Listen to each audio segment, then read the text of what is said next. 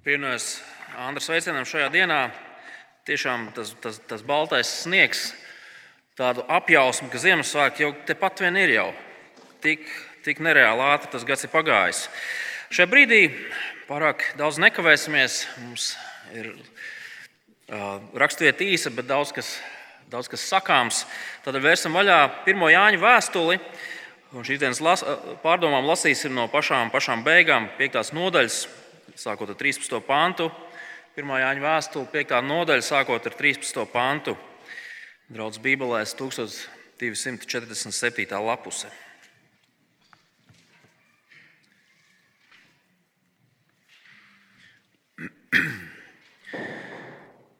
To es rakstu jums, kas ticat Dieva dēla vārdam, lai jūs zinātu, ka jums ir mūžīgā dzīvība. Un šāda paļāvība mums ir uz viņu. Ja mēs ko lūdzam pēc viņa gribas, viņš uzklausa mūsu. Ja zinām, ka viņš uzklausa mūsu, ko vien lūdzam, tad zinām, ka saņemam to, ko esam no viņa lūgušies. Ja kāds redz savu brāli krītam tādā grēkā, kas nav nāves grēks, tas lai lūdz Dievu, un viņš dos tam dzīvību. Tādiem, kas nedara nāves grēku, ir nāves grēks. Par to es nesaku, lai lūdzu.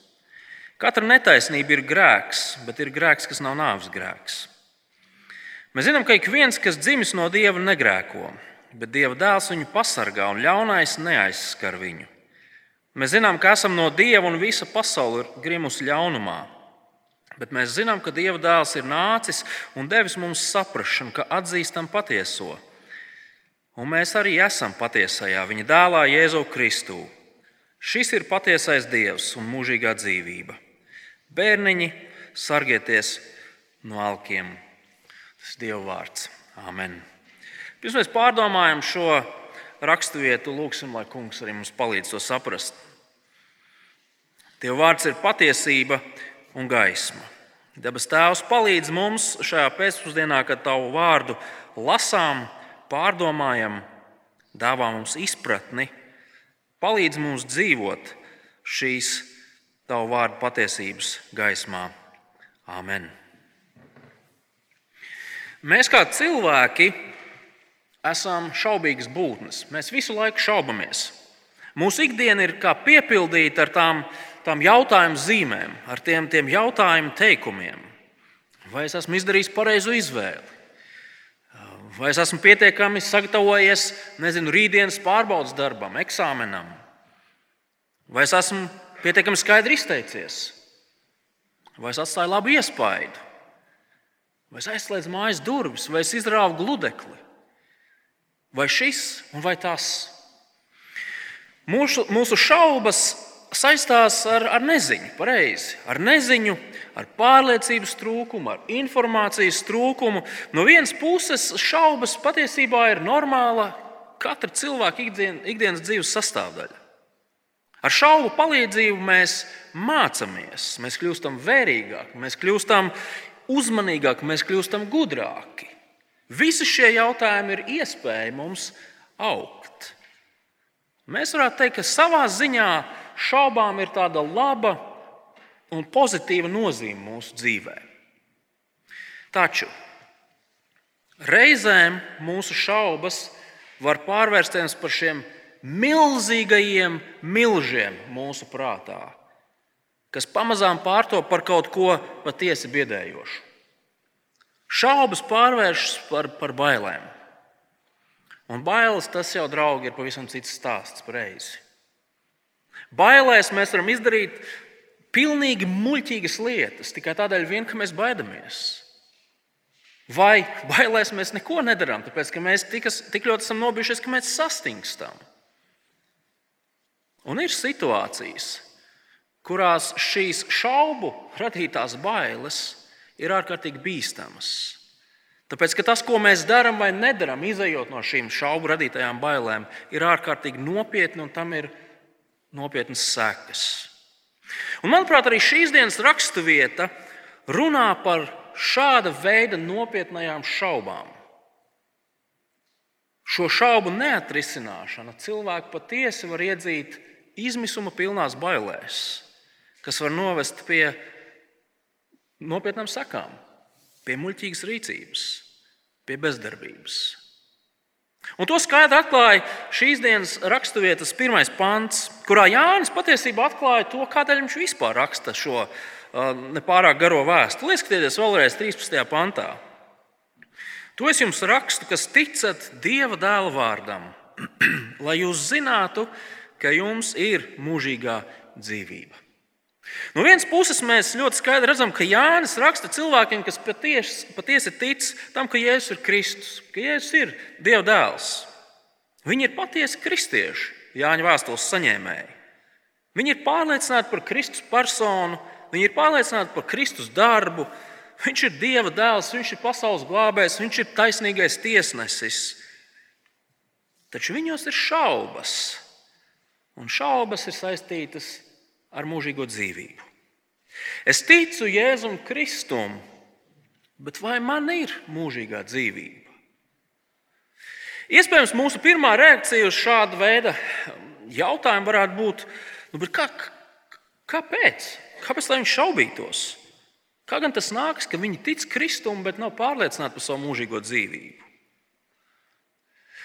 Bet, ja mēs tā godīgi padomājam par šo lietu, tad patiesībā visticamāk visi, katrs no mums, vienā vai citā dzīves posmā, vienā vai citā dzīves situācijā, ir izjutuši līdzīgas, līdzīgas šaubas.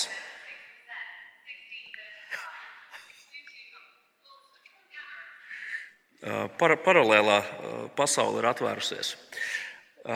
Jā, mēs esam piedzīvojuši līdzīgas šaubas un līdzīgu neziņu.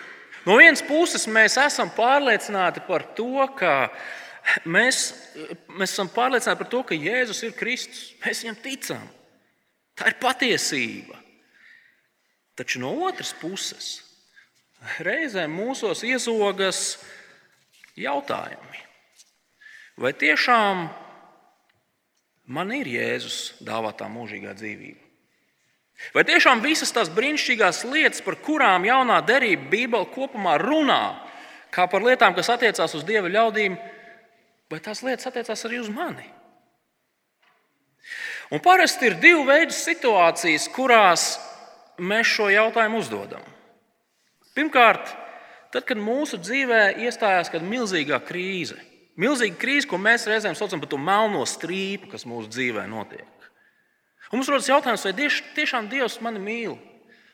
Vai tiešām viņam ir šis brīnišķīgais plāns manai dzīvei, par ko mēs reizēm akstoties runājam? Ārēji apstākļi ne par ko neliecina. Taču otrkārt mēs piedzīvojam šaubas tad, kad mēs atskārstam to, ka mēs esam nepilnīgi un grēcīgi. Mēs atkal un atkal krītam kaut kādā vecā grēkā, vai uh, esam savu ieradumu vergi, Un mūsu grēcīgums mums liek šaubīties par to, vai mums ir mūžīgā dzīvība. Šaubas par mūžīgo dzīvību, par dieva labvēlību uz mums, viņa ļaudīm, ir ārkārtīgi nopietna lieta. Šādas šaubas mūs var paralizēt, šādas šaubas mūs var iedzīt bailēs, šādas šaubas mūs var iedzīt izmisumā. Mēs taču tik ļoti gribam būt pārliecināti un droši par to pareizi. Jānis šo vēstuli raksta noteiktā kontekstā. Šajā vēstulē ir aprakstīts viens no veidiem, pat ne tiek aprakstīts, bet tas konteksts ir tāds, ka ir cilvēki, kas piedāvā kristiešiem drošību noteiktās zināšanās, noteiktā dzīvesveidā, noteiktā, noteiktos rituālos un izdarībās. Taču viņi to dara mācot melus. Redziet, Jāņa lasītājs ir apstājuši mums īsti līdz galam nezināmi skolotāji, kuri piedāvā visas šīs lietas. Taču tā viņš šķiet, ka šie skolotāji savos, savās atbildēs māca citu evaņģēliju. Viņi māca to, ka grēks patiesībā nemaz nav tik nopietna lieta. Grēks ir mazsvarīgs. Vēl vairāk šie skolotāji māca to, ka Jēzus nemaz nav Kristus. Jēzus nav Dievs, Jēzus nav Dieva dēls. Viņi to visu noliedz. Un tas ir kā tāds milzīgs slasts, kurā iekrītot, cilvēki ne tikai neiegūst pārliecību, par to, ka viņi ir drošībā, ka viņiem ir mūžīgā dzīvība. Bet viņi sāk ticēt, var sākt ticēt kaut kam kroplam, neīstam Kristum, neīstam Dievam. Un tas šo izmisuma virpuli var padarīt vēl lielāku.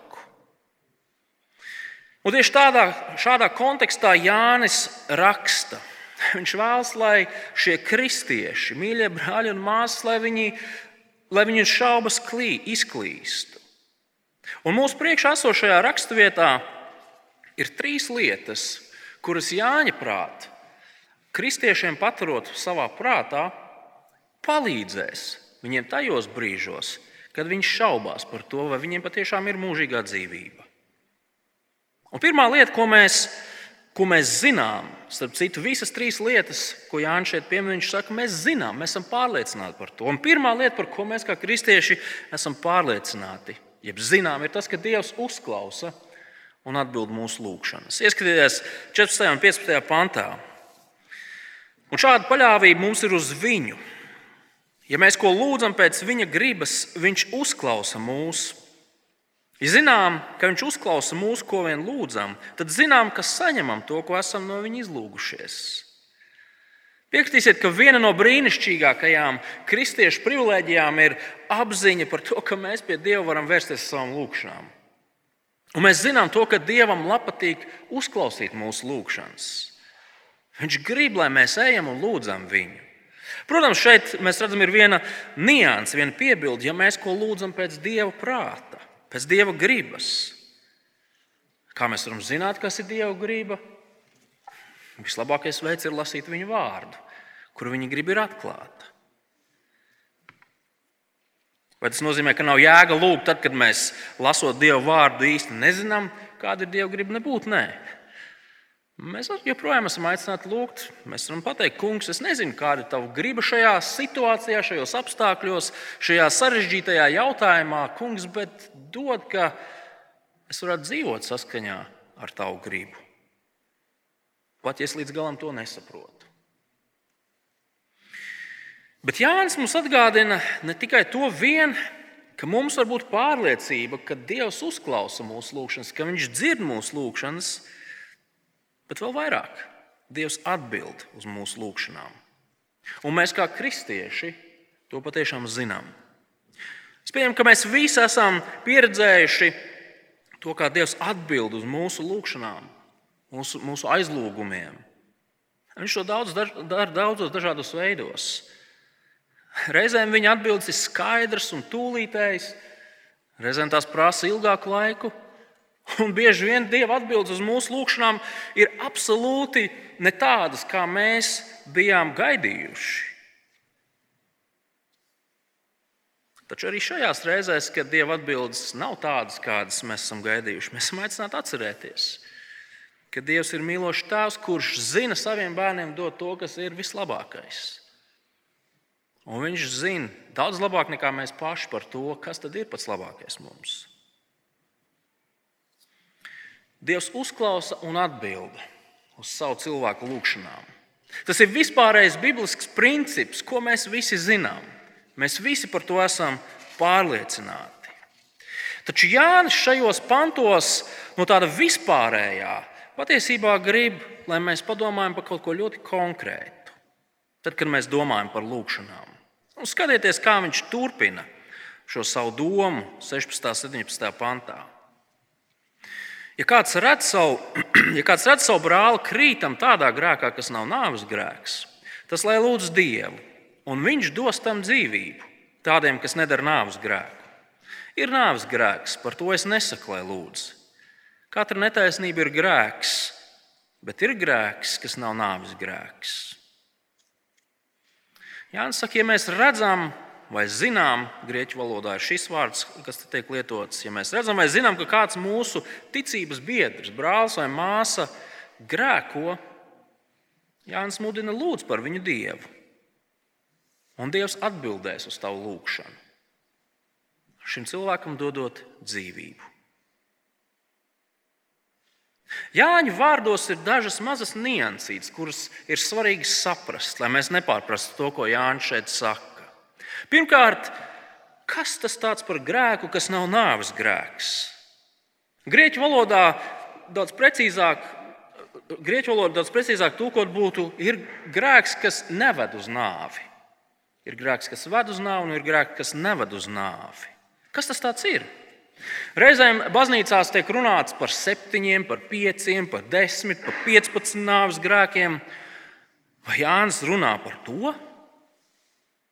Un, ja viņš runā par to, kāpēc viņš nenosauc viņus, nu, vismaz pārīt piemēru, lai mēs varam saprast, par ko ir runa. Taču Jānis patiesībā mums jau ir palīdzējis saprast šo un to svarīgu par grēku. Vēstules sākumā, pirmajā nodaļā, mēs redzam dažas svarīgas patiesības, ko Jānis māca par grēku. Un pirmā patiesība ir tāda, ka Kristus asinis mūs šķīstīja no visiem grēkiem, no visas netaisnības. Skatieties, pirmās nodaļas 7. pantā. Dieva dēls, Dieva dēla Jēzus asins mūs šķīstīja no visas apgrēcības. Un uzsvars ir uz vārdu visa, no visas apgrēcības. Tas nozīmē to, ka saraksts ar grēkiem, kurus, kurus Jēzus nevar piedot, nevar atrisināt, ir pavisam īss saraksts. Patiesībā tāda saraksta nemaz nav. Kristus mūs šķīstīja no visiem mūsu apzinātajiem, neapzinātajiem grēkiem. Kristus asinis spēj mūs pilnībā un absolūti attaisnot. Nav svarīgi, kas tie pa grēkiem. Kristus asinis tos šķīsta. To pašu ideju mēs redzam 2. nodaļas 12. pantā. Es rakstu jums, bērniņi, jo viņa vārda dēļ grēki jums ir piedoti. Kristū visi grēki ir piedoti. Bet tai monētai ir otra puse. Un tas ir tas, ko Jānis arī atklāja pašā vēstules sākumā, pirmajā nodaļā. Proti, lai gan mūsu grēki Dievu priekšā ir piedoti, tas nenozīmē, ka mēs savā ikdienas dzīvē negrēkosim. Ne mēs grēkosim. Taču, ja mēs šajos grēkos atzīstamies, arī tie visi tiek piedoti. Skatieties, kā sākās otrā nodaļa. Mani bērniņi, to es jums rakstu, lai jūs negrēkotu. Un, ja arī kāds grēko, tad mums ir aizstāvis tēvu priekšā. Jēzus Kristus, tas taisnais. Viņš ir ne tikai mūsu, bet arī visas pasaules grēku izlīdzinātājs. Tas nozīmē, ka mēs kā kristieši esam attaisnoti, mēs esam attaisnoti, un mūsu ikdienas grēki nediskvalificē mūsu, mūsu attiecībās ar debesu tēvu. No iepriekš teiktā izriet sekojošais. Tad, kad Jānis runā par grēku, kas, um, kas ir tāds, kas neved uz nāvi, Jānis runā par grēku, kas ir Kristus šķīstīts. Tas ir tāds grēks, kas ir piedots. Savukārt grēks, kas ved uz nāvi, ir grēks, kas nav Kristus asiņu šķīstīts. Tas ir tāds grēks, kas nav piedots. Un gal galā, kā mēs kā cilvēki iegūstam grēku piedošanu? Tad, kad mēs saucam uz Kristu pēc piedošanas. Līdz ar to cilvēki, kuriem ir grēki, kas ved uz nāvi, ir cilvēki, kas nav saņēmuši Kristus piedošanu. Tie ir cilvēki, kas netic tam, ka Kristus ir svarīgs, netic tam, ka Kristus ir nācis šajā pasaulē, lai tiktu galā ar mūsu grēka problēmu. Viņi netic tam, ka Jēzus savu krusta nāvi ir samaksājis mūsu grēku parādu, dāvājot mums mūžīgo dzīvību. Piektās nodaļas 17. pantā Jānis saka, ka katra netaisnība ir grēks, bet ir grēks, kas nav nāves grēks. Ja mēs šo to zinām par grēku, tad tā ir viena lieta Mūsu grēks mūs šķir no Dieva. Nav svarīgi liels vai mazs. Mūsu grēks mūs šķir no Dieva. Bet, ja ticam, ka Jēzus ir Kristus, Dieva dēls, pasaules glābējs, pilnīgi visi mūsu pagātnes, tagadnes un nākotnes grēki, lielie, mazie, apzinātie, neapzinātie, ir piedoti un ir samaksāti. Un tā Jānis šajos pantos kristiešus mudina vienam par otru lūgt. Mēs esam aicināti lūgt par saviem brāļiem un māsām, kas cīnās un pārdzīvo par savu grēku. Mēs esam aicināti to darīt ar pārliecību, ka Dievs atbildēs šādas lūgšanas. Dievs dzirdēs, Dievs atbildēs. Un patiesi Jānis saka cilvēkam, kurš savu grēku uztic Kristum, Dievs dos dzīvību. Un no vēstules konteksta mēs varam teikt, ka tiem, kas paļaujas uz Kristu, Dievs dod mūžīgo dzīvību, pārliecību par to, ka viņiem ir mūžīgā dzīvība. Jūs redzat, ko tas nozīmē? Mēs esam aicināti nākt cits, citam tālāk, cits par citu lūgt viņu cīņās un, un, un, un smagajās cīņās reizēm ar grēku. Tas, protams, nenozīmē to, ka mums tagad ir jāsāk staigāt vienam pie otra un kratīt savus sirdis un, un, un atklāt visu, visu lielās un mazās lietas, ar kurām mēs cīnāmies un netiekam, netiekam galā. To tas nenozīmē. Taču no otras puses, reizēm tas nozīmē tieši to. Reizēm tas nozīmē to, ka mēs ejam pie saviem brāļiem un māsām un sakam, klau, lūdzu par mani. Es netieku galā ar šo lietu un vēl ar to lietu. Lūdzu par mani. Jo es šaubos. 16. panta izskaņa ir nedaudz mūsinoša. Jānis saka, ir nāves grēks. Par to es nesaku, lai lūdzu. Manuprāt, Jānis tur vienkārši grib kristiešiem dot brīvību, lūgt vai nelūgt par tiem, kas stūrgalvīgi turas pie saviem nenožēlotajiem grēkiem. Un iespējams, Jānis šeit skaidri acu priekšā redz tos viltus skolotājus. Jānis nepavēl, lūdziet par viņiem. Jums ir brīvība lūgt vai nelūgt. Taču, lai kā arī nebūtu šo pāntu lielais uzsvars, Un to ir svarīgi ieraudzīt. Lielais uzsvars ir lūgšanas par brāļiem un māsām, par ticīgiem cilvēkiem, kas cīnās ar saviem grēkiem. Man ir brāļi, kas man ir uzticējuši kādas savas cīņas, nopietnas cīņas. Tas, ka viņi to ir darījuši, tas ir labi, tas ir pareizi. Tas man ļauj par viņiem lūgt. Un Dievs atbild lūgšanas un stiprina viņus. Un tieši tāpat arī man ir kādas cīņas un kaut kādas nepilnības, kuras es esmu atklājis saviem brāļiem. Un es zinu, ka viņi par mani lūdz. Un es zinu, ka Dievs atbild uz viņu lūgšanām, dodot man stiprinājumu un pārliecību. Draugi, mūsu grēks mūsos sēž šaubas. Un ja mēs neko nedarām, tad šīs šaubas ir kā tāda inde, kas, kas laupa mūsu pārliecību, drošību, prieku, pateicību. Neļausim grēkam mūsu dzīvē iznīcināt mūsu pārliecību par mūžīgo dzīvību. Runāsim par to, par savām cīņām ar uzticamiem brāļiem un māsām. Lūksim cits par citu cīņām. Un darīsim to ar pārliecību, ka Dievam patīk atbildēt uz šādām lūkšanām. Dāvājot saviem noskumušajiem kareiviem pārliecību par to, ka viņiem ir dzīvība. Nākamā patiesība, jeb pārliecība, ko Jānis zina, kas palīdzēs kliedēt mūsu šaubas, ir zināšanas par to, ka pats Dievs mūs sargā. Skatieties, 18. un 19. pantā. Mēs zinām, ka ik viens, kas dzimis no dieva, negrēko, bet dieva dēls viņu pasargā un ļaunais neaizskar viņu. Mēs zinām, ka esam no dieva un visa pasaule ir grimusi ļaunumā. Vārds negrēko šajā pantā nenozīmē tādu bezgrēcības stāvokli, tādu pilnīgu, absolūtu morālu šķīstumu. Nē, Te ir runa par aktīvu, apzinātu dzīvesveidu, trajektoriju. Šis pants runā par, par, par dzīvesveidu, ko raksturo apzināts grēks. Piektās nodaļas pirmajā pantā mēs lasījām, ka ik viens, kas tic, ka Jēzus ir Kristus, ir dzimis no Dieva. Proti, caur ticību Jēzum Kristum mēs kļūstam par kristiešiem. Tas ir vienīgais veids, kā kļūt par kristieti, par Dieva cilvēku.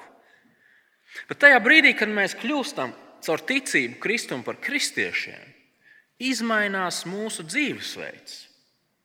Ne uzreiz, ne pilnīgi, bet izmainās mūsu dzīvesveida trajektorija. Nu, piemēram, ja mēs esam sportisti un mēs, mēs eh, pelnām naudu, spēlējot nezinu, hokeju, basketbolu, futbolu, un tā nu gadās, ka reizēm karjeras kāpnēm kāpjot, mums ir jāmaina klubi. Tajā brīdī, kad mēs nomainām formu, kas mums ir mugurā, mēs sākam spēlēt citas komandas labā. Mūsu pagātnes taktikas, mūsu pagātnes treneri, mūsu pagātnes kombinācijas, mūsu pagātnes viss, viss tas paliek pagātnē. Tagad mēs piedarām jaunai komandai. Mēs spēlējam pie jauna trenera, un mēs mācāmies spēlēt tā, kā viņš vēlas, lai mēs spēlējam. Jānis saka, mūsu kristīgā trajektorija, mūsu dzīvesveids ir citādāks. Tāpēc, ka mēs esam piedzimuši Dievam. Mēs neesam bezgrēcīgi, bet mēs varam grēkot mazāk. Bet mūsu pārliecība slēpjas ne, nevis tajā, ka mēs saviem spēciņiem varam klubdami, kristam kaut kā censties pa to pareizo trajektoriju, tagad iet un pildīt to, ko Dievs no mums sagaida. Nē, tā slēpjas kaut kur citur, vai jūs pamanījāt? Dieva dēls viņu pasargā, un ļaunais viņu neaizskar. Pats Kristus sargā savus ļaudis. Pats Kristus savus ļaudis sargā no ļaunā.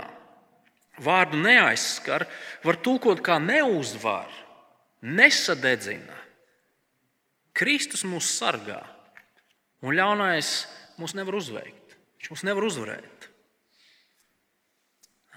Man patīk vēsture, ik pa laikam palasu pa kādu vēstures grāmatu.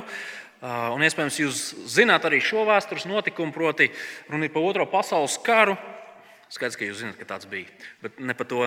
Otrā pasaules kara izskaņā Hitlers jau bija zaudējis. Labu laiku pirms tika parakstīti visi oficiālie kara noslēguma dokumenti. Tā cilpa vilkās ar vien ciešāk un ciešāk ap, ap nacistiskās armijas, nacistiskās Vācijas armiju un, un visu, kas viņiem tur bija. Karš bija zaudēts. Pirms dokumenti tika parakstīti. Taču tas nenozīmē to, ka nenotika kara darbība. Vācieši joprojām turpināja kaut kur uzbrukt, bija kādas lokālas veiksmes, joprojām karavīri krita nāvē un tā tālāk un tā joprojām. Taču Hitlers bija zaudējis. Nevienam nebija ne mazāko šaubu par to, ka viņš ir zaudējis. Un tieši tāpat arī mēs, kristieši, savā ikdienas dzīvē piedzīvojam ļaunā, vēlna uzbrukumus. Vēlns vēlas, lai mēs, lai mēs krītam grēkā, lai mēs neatbrīvotos no saviem sliktiem ieradumiem, lai mēs dzīvotu šaubās lai mēs dzīvotu vainas apziņā, lai mēs dzīvotu mūžīgi sevi apsūdzot. Bet viņam nav nekādu cerību mūs pazudināt.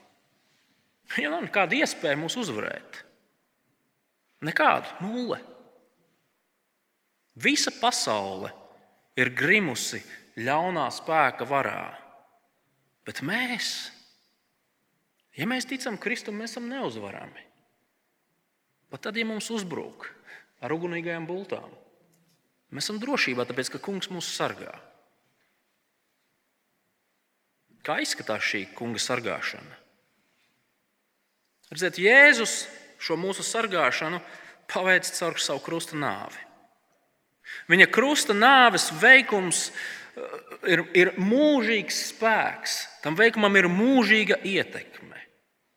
Savā vēstulē, 3. nodaļā, 5. pantā Jā, Jānis teica, ka Jēzus ienāca šajā pasaulē, lai paņemtu prom grēku.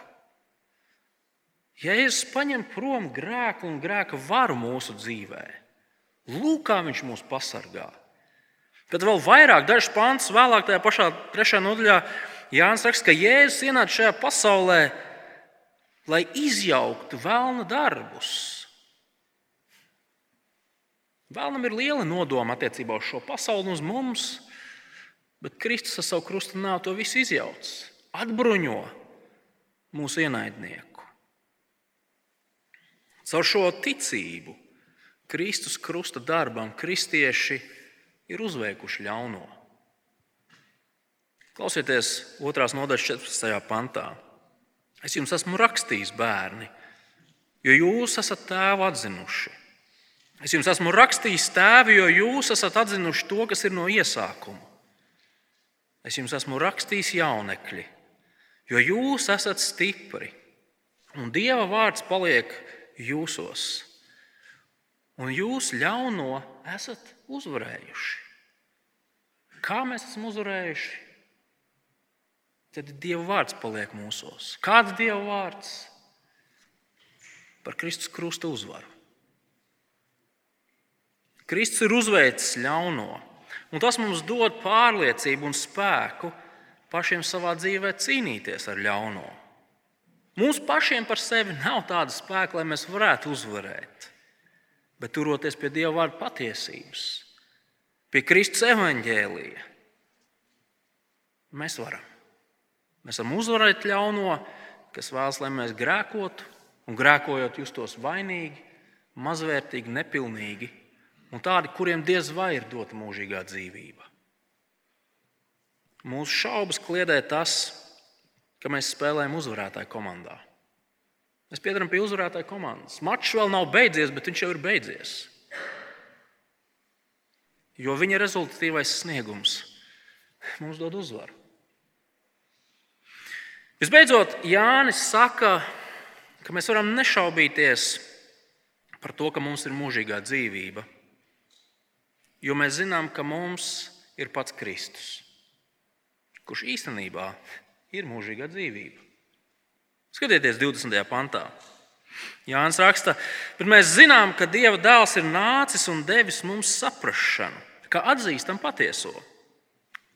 Un mēs arī esam patiesajā, viņa dēlā Jēzu Kristu. Šis ir patiesais Dievs un mūžīga dzīvība. Atcerēsimies, ka Jānis raksta cilvēkiem, kas zina to, ka Jēzus ir Kristus. Šis, šis vēsturiskais nacerietis vārdā Jēzus, viņš ir Dieva dēls. Un šis 20. pāns, kuru mēs nu pat nolasījām, apliecina to, ka, ka mēs varam būt pārliecināti par to. Mēs varam par to nešaubīties. Jēzus ir ienācis šajā pasaulē, cilvēces vēsturē, lai atklātu Dievu. Mēs par to varam būt pārliecināti. Taču tas vārds patiesais, kas šeit tiek izcelts, jūs pamanījāt vairākas reizes, vismaz trīs reizes tiek uzsvērts to, ka Dievs ir patiesais. Šis vārds ir ar dziļu jēgu. Redziet, tad, kad Dievs, Dieva izglābtā tauta pēc iziešanas no Eģiptes verdzības nonāca un, un cauri klejoj, pēc, klejoš, pēc klejošanas mēls sāk mežģīties. Pēc klejošanas cauri tūkstnesim viņi beidzot nonāca pie apsolītās zemes robežas. Dievs viņiem ļoti stingri teica: Klausies, Izraēl! Klausies, ir tikai viens Dievs, tikai viens. Atceries to uz visiem laikiem. Tas bija nopietns brīdinājums. Aizmirst to, ka ir tikai viens patiesas Dievs, nozīmē pakļaut sevi nāves briesmām. Tas nozīmē pakļaut sevi postam, izmisumam un vēl ļaunākam. Cilvēki mūsdienās runā par to, ka ir daudzi un dažādi dievi. Reizēm cilvēki runā, jā, ir viens varants dievs, un, bet pie viņa ir daudz dažādu ceļu. Reizēm cilvēki saka, nu, godīgi sakot, ja mēs nemaz nevaram zināt, ir tāds dievs, nav tāds dievs, kāds viņš ir. Bet vai jūs pamanījāt, ka Jānis ar šo vienu vienīgu teikumu pasaka to, ka visi šie trīs uzskati, kas cilvēkiem reizēm ir, ir absolūti aplami. Dieva vārds šoreiz caur Jāni pasaka to, ka ir tikai viens patiesa Dievs. Un pie viņa var nonākt tikai vienā veidā, caur Jēzu Kristu. Un Jēzus Kristus ir nācis, lai skaidri atklātu cilvēkiem to, ko par Dievu var zināt. Un par viņu var zināt ļoti daudz. Ir viens patiesa Dievs. Pie viņa var nonākt caur Jēzu Kristu, kurš atklāja Dievu. Un tagad vēstules izskaņā Jānis šaubīgajam kristietim saka, ka caur Kristu mums ir sadraudzība ar patieso, ar šo vienīgo Dievu. Bet ieskatieties vēlreiz šī panta otrajā daļā. Un mēs arī esam patiesajā viņa dēlā Jēzu Kristu. Šis ir patiesais Dievs un mūžīgā dzīvība. Kas ir šis patiesais Dievs? Dieva dēls Jēzus Kristus. Bet viņš ir ne tikai patiesais Dievs, bet arī mūžīgā dzīvība. Draugi, ja mums ir sadraudzība ar Dievu caur ticību Kristumu, tad mums ir automātiski arī mūžīgā dzīvība. Jānis savas vēstules izskaņā pasaka, ka mūžīgā dzīvība un Jēzus Kristus Tās nav nodalāmas lietas. Tie abi ir viens. Ja tev ir Kristus, tev ir dzīvība, ja tev ir dzīvība, tev ir Kristus. Klausies, šaubīgais kristieti. Ja tu tici Kristum, tev ir dzīvība. Mēs ticam Kristum, pareizi. Bet reizēm savu grēka dēļ mēs sākam šaubīties par to, vai tiešām, vai tiešām Kristus dāvātā mūžīgā dzīvība attiecas uz mums. Savu grēku dēļ mēs šaubamies, vai mums patiešām ir sadraudzība ar Dievu. Jānis saka, ja tev ir Kristus, tev ir pilnīgi viss. Esi drošs. Ja cīnies ar grēku vai redzi savu brāli, cīnāmies ar grēku, lūdz Dievu par šo lietu. Un Dievs palīdzēs, dodams atbildi uz šo lūgšanu dodams pārliecību par to, ka par spīti grēkam tev ir dzīvība. Ja tici Kristum, tu esi Dieva cilvēks. Un tu vari būt pārliecināts par to, ka pats Kristus tevi aizstāv. Viņš ir izdarījis visu, lai ļaunais tevi nepazudinātu.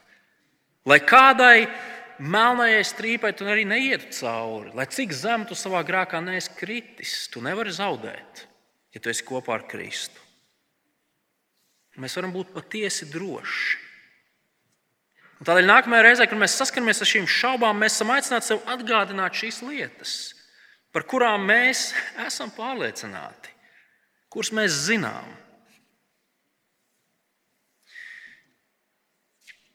Bet Jānis šo vēstuli nobeidz pavisam neparastā veidā, vai jūs pamanījāt?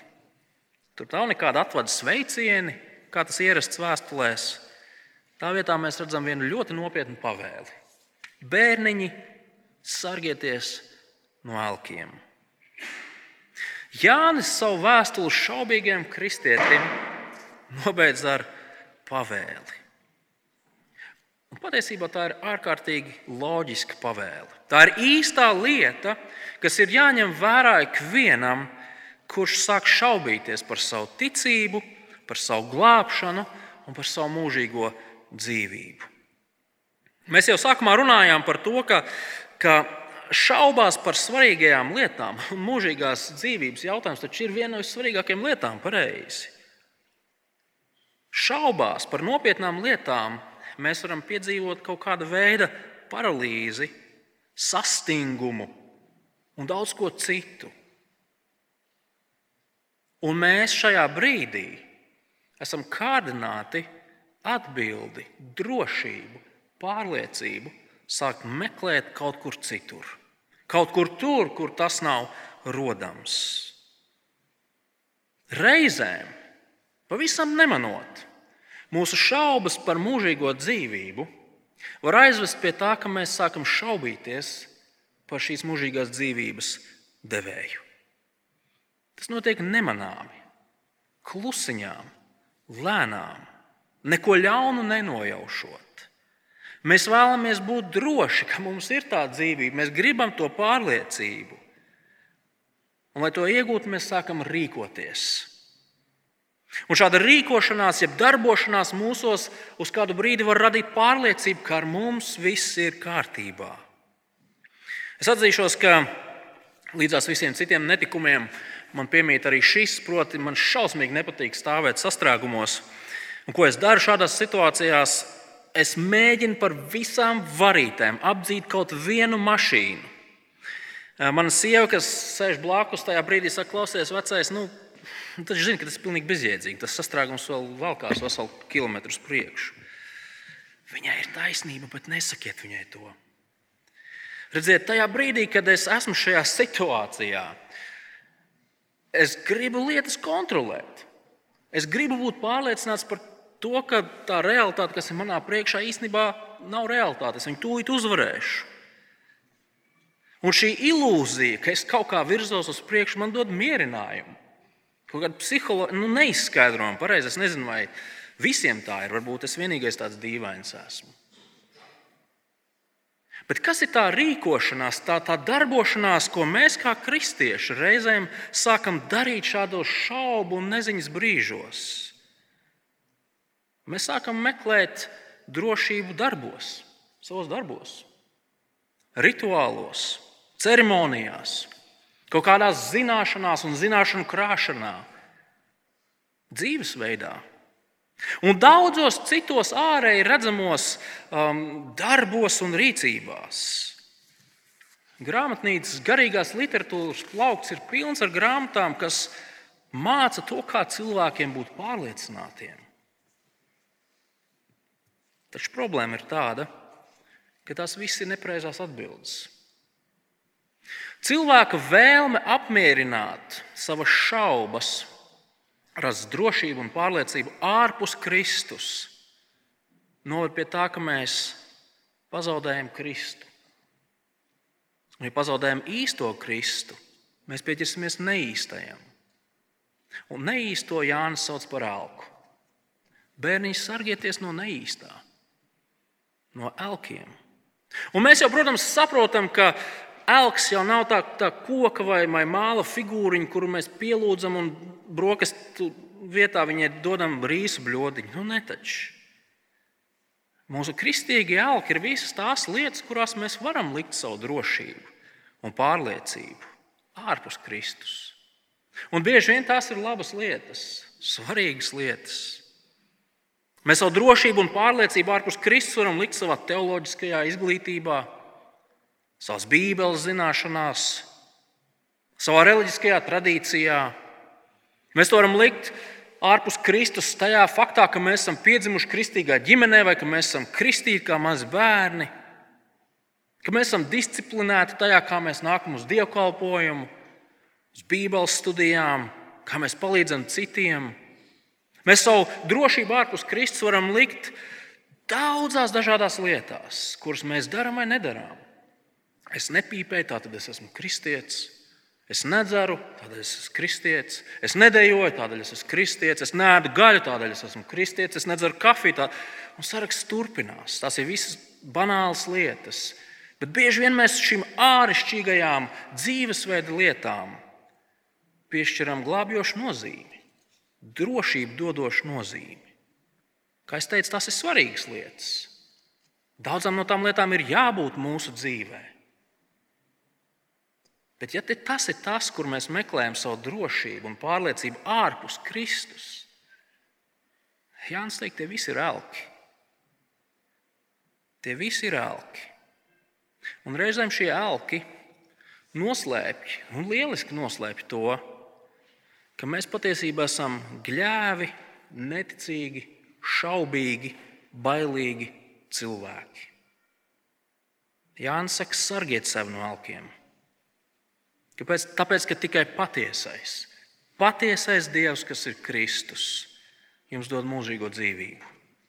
Pazaudējot Kristu, mēs mūžīgo dzīvību arī neiegūstam. Un tā, vēstulē izskanot, mēs esam aicināti sargāt sevi, sargāt citus. Un interesanti, ka šī sevis sargāšana balstās faktā, ka Kristus mūs sargā. Kristus mūs sargā. Tādēļ mēs esam aicināti būt atbildīgi, rūpēties par savu garīgo veselību un savu cīņas biedru garīgo stāvokli. Mūsu atbildība balstās Dieva spēkā un Viņa darbā mūsos. Nesīsim savus grēkus Dievu priekšā ar pārliecību. Paļausimies uz Kristu, kurš mūs aizsargā, kurš palīdz mūsu cīņā šajā pasaulē. Un būsim pārliecināti par šo savu mūžīgo dzīvību. Kristus ir izdarījis pilnīgi visu, lai mēs to saņemtu. Nešaubīsimies par to. Ja tev ir Kristus, tev ir viņa dāvātā mūžīgā dzīvība. Jo viņš pats ir šī dzīvība. Un šo dzīvību nevar pazaudēt. Neviens karš, neviens tirāns, neviena redzama, neviena neredzama lieta jums šo dzīvību nevar atņemt. Jums šo dzīvību nevar atņemt pat jūsu grēks. Lūksim Dievu. Dabas tās patiesi mēs šajā dienā gribam tevi slavēt par to, ko Kristus paveic nākdams šajā pasaulē. Viņš ienāca cilvēces vēsturē kā reāls cilvēks un Dievs vienā, vienā personā, lai sarūpētu grēku piedošanu, izlīgumu ar tevi lai iznīcinātu vēlna mūsu lielā ienaidnieka plānus, darbus. Un tagad mēs lūdzam Tēvs, mēs ticām, bet palīdz mūsu masticībā. Palīdz tajos brīžos, kad mēs šaubamies, kad mums liekas, ka mūsu grēki ir pārāk lieli vai pārāk regulāri, lai pat tu patiešām mīlētu arī mūsu. Tas dod, ka mums būtu pārliecība par to, ka mums ir mūžīgā dzīvība ka mums ir sadraudzība ar tevi, ka mūsu tagadne un nākotne ir drošībā Kristus dēļ. Un Tēvs dod, ka šīs dienas raksturvietas gaismā mēs varētu arī lūgt viens par otru. Lūgt viens par otru šaubās, cīņās ar grēku. Dod, ka mēs viens otru varētu pieskatīt un sargāt, um, tad, kad mēs saskaramies ar dažādiem grēkiem un elkiem, ko mēs paši radām. Tās viss gods un slava vienīgi tev, jo vienīgi tu esi patiesas Dievs, glābējs un dzīvības devējs. Amen!